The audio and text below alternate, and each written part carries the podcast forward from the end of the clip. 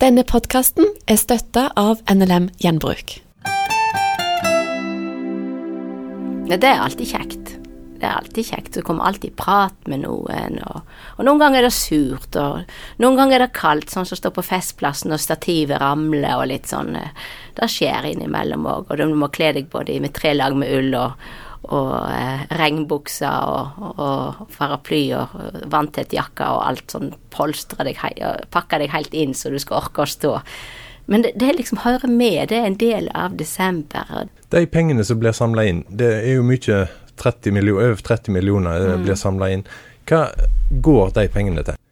De går jo til det diakonale arbeidet på plassen da diakonale arbeid som matutdeling, en del eh, fengselstreff, eh, en del forebyggende barne- og ungdomsarbeid, sende unger på leir som ikke har råd til det, arrangere aktiv ferie, sånn som vi gjør her i Bergen, i Solheimsviken, både i høstferien og i vinterferien.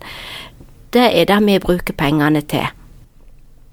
Jeg leste på bt.no, eh, Bergens Tidende sin nettavis, der er det forsker Hilde Danielsen ved forskningsinstituttet Norse. Og Hun sier at mye av fattigdommen i Norge er usynlig, og derfor vanskelig å få oversikten og forstå det. Eh, kjenner du deg igjen i det? Ja, jeg gjør òg det. For det er, ikke, det er ikke alltid at det er de som trenger det, er de som søker hjelp. Eh, og, og er, noen ganger så klør vi oss litt i hodet hvordan vi skal komme i kontakt med de som, som virkelig hadde kunnet trengt en håndstrekning. Men vi bor jo i et land som velter i penger eh, på mange måter. Eh, vi bruker jo over 50 milliarder kroner nå i, på jula. Mm. Eh, og Allikevel så er det mennesker som ikke har de mulighetene. Og så er de, sånn som hun sier, hun forskeren sier, at de er litt usynlige. Eh, hvordan jobber dere for å eh, treffe disse? Eh, vi treffer det jo litt internt i menighetene våre, der vi kan gi en håndstrekning til familier som sliter. Det gjør vi. Eh, og, og, kanskje gjennom speiderarbeid og gjennom på en måte det barnearbeidet som blir drevet, så har vi kontakt med familier som, som vi kan være med og støtte. Eh, det er nok ikke så mange familier som kommer til velferdssenteret alltid. De har på en måte mer en annen gruppe som kommer. Så, så, det er ting som vi jobber med òg for å komme i kontakt med de som virkelig trenger det. Og litt av problemet, tenker jeg òg, er jo dette her med opplevd fattigdom. Eh, fordi at, det, ting, at, folk sammenligner seg med de som har i overflod, og har kanskje akkurat som de trenger, men de har ikke det lille ekstra. Eh, og det er noe veldig problem for mange. De opplever seg De har det de trenger, sånn helt mat på bordet og, og sånn, men de har bare knapt da. Og det oppleves jo veldig vanskelig, spesielt for unger når, det er, når de sammenligner seg med de andre i klassen. Men dette med opplevd fattigdom, har det endra seg? Er det enklere eller vanskeligere nå å oppleve seg fattig? Jeg tror faktisk det. er, Det er jo bare min subjektive mening, men jeg tror at faktisk så er det verre i dag. Fordi overfloden er så stor, og det er mulig at altså spriket er blitt så stort òg, sant det, det, er jo ikke enkelt å måtte be om hjelp, og spesielt ikke kanskje i et land som er, har så mye verdi. Eh, men allikevel så har vi jo mye sosialt arbeid som blir hjelp som staten driver. Men, mm. men så trenger en Frelsesarmeen eh, som òg hjelper.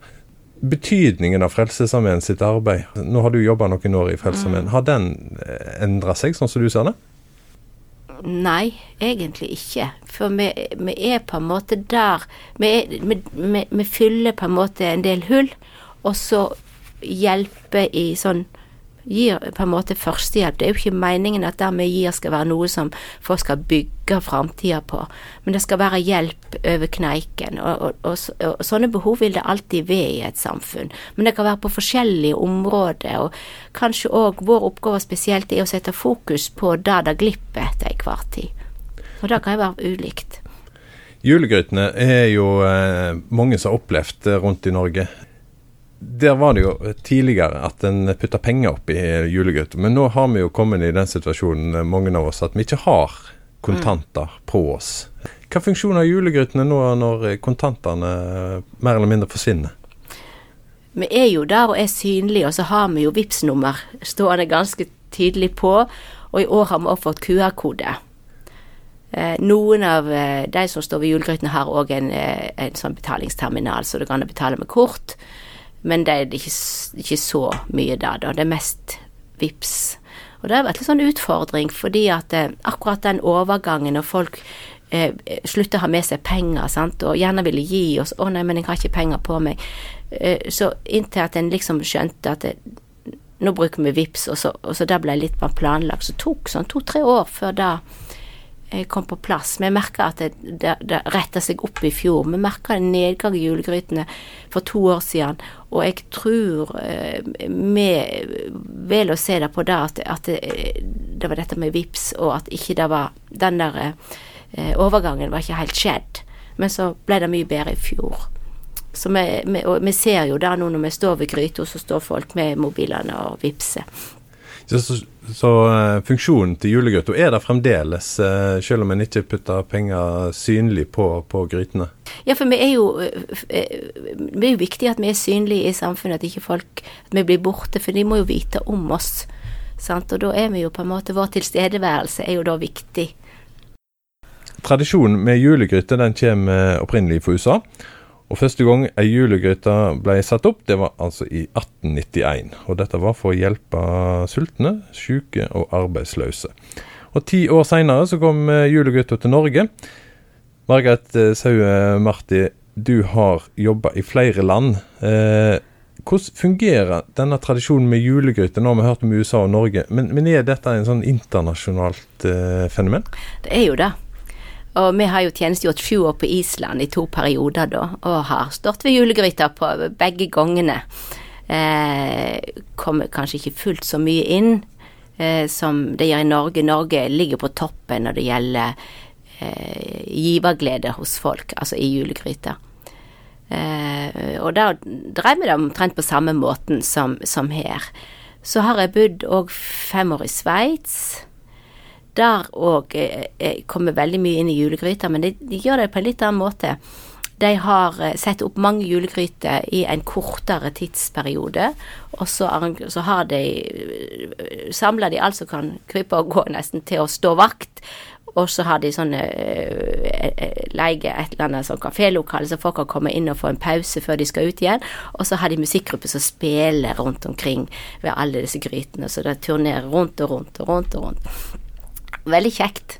Men de har en mye mer sånn konsentrert eh, julegryteperiode.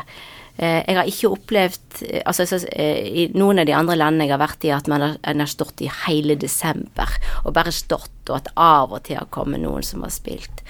Vi bodde jo fire år i Tyskland før vi kom til Bergen, og der eh, var på en måte julegryta eh, på en måte litt dødd ut. Den kom når hormusikken var ute og spilte, så hadde de julegryta med, men det var ikke Vi prøvde ut på Vi kunne jo gjøre det som i Norge, tenkte vi, og stille oss opp på gata og stå der, men folk gikk bare rett forbi. Så vi fikk bare oppmerksomhet hver gang vi spilte med hormusikken. Så det var veldig, veldig, uvant for meg, som var vant til at vi stiller oss opp fra første søndag i advent, og så er det nonstop fram til jul og folk eh, bare kom forbi, og alle veit hva dette dreier seg om. Men nå er det jo sånn at Frelsesarmeen i Tyskland er veldig, veldig liten i forhold til resten av befolkningen, når du tenker prosentmessig. Så det, Norge har jo en mye sterkere frelsesarmé, og det vil jo òg prege måten vi jobber på. Og så sa du det at Norge var et uh, Vi var flinke i Norge å gi. Ja. Uh, hva tror du er grunnen til det? vi Vi er vel tradisjonelt flinkere til å gi for å hjelpe i Norge enn i mange andre land. Men så tenker Jeg veit ikke hvorfor at vi jeg, jeg, kan ikke helt svare på det. Kanskje de har vært flinkere med dette med media og, og sånt de som har jobba på hovedkvarteret, muligens. Men så er det jo òg arbeid som blir gjort eh, lokalt. Sant? Så kommer det noen og sier Sånn som ei som kom og ga meg så sier, ga en liten mynt oppi der, så sier jeg kommer jo når jeg mangler mat, så går jeg jo og henter på velferdssenteret. Så da ga hun en skjerv, sant. Så, så, det er jo dette her med at eh, folk opplever at de har blitt møtt, og at det da eh, gjør at de vil gi. Så jeg tror nok at det òg er viktig at de ser at det, at det, at det skjer noen ting. Og at det er lokalt, sant. At det er jo Det, det kommer jo lokalbefolkningen til gode. Margaret Saue Marti, du er offiser i Frelsesarmeen. Du jobber nå i Bergen. Og eh, det å jobbe i Frelsesarmeen, hvordan er egentlig det? Det er jo spennende, da. Ja da. Det er ganske mye variert. Eh, nå har jo jeg en jobb som eh, har en del Jeg koordinerer arbeidet som Frelsesarmeen i Bergen. Spesielt om menighetsarbeidet. og Da er det mye organisering å få ting til å arbeide sammen, skape et team. Eh, med, eh, så det er jo en veldig, veldig kjekk jobb som jeg da har. Og kjempekjekke medarbeidere. Eh, jeg er jo ikke så mye sjøl akkurat nå eh, sånn ut i alt det vi holder på med. Jeg har jo litt mer sånn administrativt akkurat i den eh, jobben jeg har akkurat nå. Men jeg forstår jo forkynnertjeneste, det er noe av det rikeste jeg gjør. Forberede og forkynne Guds ord. Det er, det, er, det er noe av det flotteste jeg gjør. Og samtaler med mennesker og smågruppearbeid og støtte opp om medarbeiderne og finne medarbeidere som passer i de forskjellige oppgavene. Så det er jo jeg får lov å gjøre til fulle akkurat nå, og det er veldig kjekt. Frelsesarmeen er jo eh, en, en sosial organisasjon som ønsker å hjelpe folk i, i- som er i en vanskelig situasjon. Er det bruk for Frelsesarmeen i Norge? Ja, men fattigdom er ikke bare det du ser. Sant? Det er jo òg eh, mangel på fellesskap, ensomhet, opplevelser å skape Så det er så viktig å kunne skape gode møteplasser der folk kan komme sammen. Og, og ikke minst da forkynnelsen av Guds ord er viktig for oss. Så det er klart at vi har jo arbeidet er jo på en måte litt sånn todelt. Selv om vi er én frelsesarmé, så har du det sosiale arbeidet som, som driver disse institusjonene, og vi har Fretex som er under vår paraply. Men så har du menighetsarbeidet, som på en måte ja, driver barnearbeid, arbeid blant eldre, ungdomsarbeid, ja, og de forskjellige tingene. Mm. På verdensbasis er det 1,1 millioner soldater og eh, 17 000 offiserer. Det betyr egentlig at det er kun Kina, India og USA som har en, eh, flere soldater enn eh, som er i deres armé. Eh, hvordan greier dere å påvirke verden eh, med så mange soldater? Det er klart at vi er jo veldig sånn hierarkisk oppbygd, og er eh, organisert som en armé. Så det er jo snakk om fremdeles snakk om beordring. Altså du velger jo ikke ut jobben din. Du blir sendt hit og dit. Du kan, hvis du vil til utlandet, så kan du spørre om det. Eller når du er, er godt voksen og er i en lederstilling, så blir du ikke spurt engang. sant? At, så, så de har dette med å flytte rundt og, og, og på en måte at vi er likt organisert i alle land, det er jo noe som gjør at, vi, at ting eh, er lettere, at eh, kanalene er lettere, sant. Det er jo ikke egentlig så veldig mye demokrati, selv om vi har, har jo arenaer der vi kan si hva vi mener, men det er en veldig hierarkisk struktur. Var det Hva var egentlig grunnen til at du havna i Frelsesarmeen? Ja, det er et godt spørsmål, for det var jo Jeg har jo ikke foreldre som er med i Frelsesarmeen. Men eh, jeg begynte på søndagsskolen da jeg var fem år, og siden så ble jeg der. Mannen òg jobber i Frelsesarmeen. Blir det en jobb, eller er det en livsstil? Det er livsstil.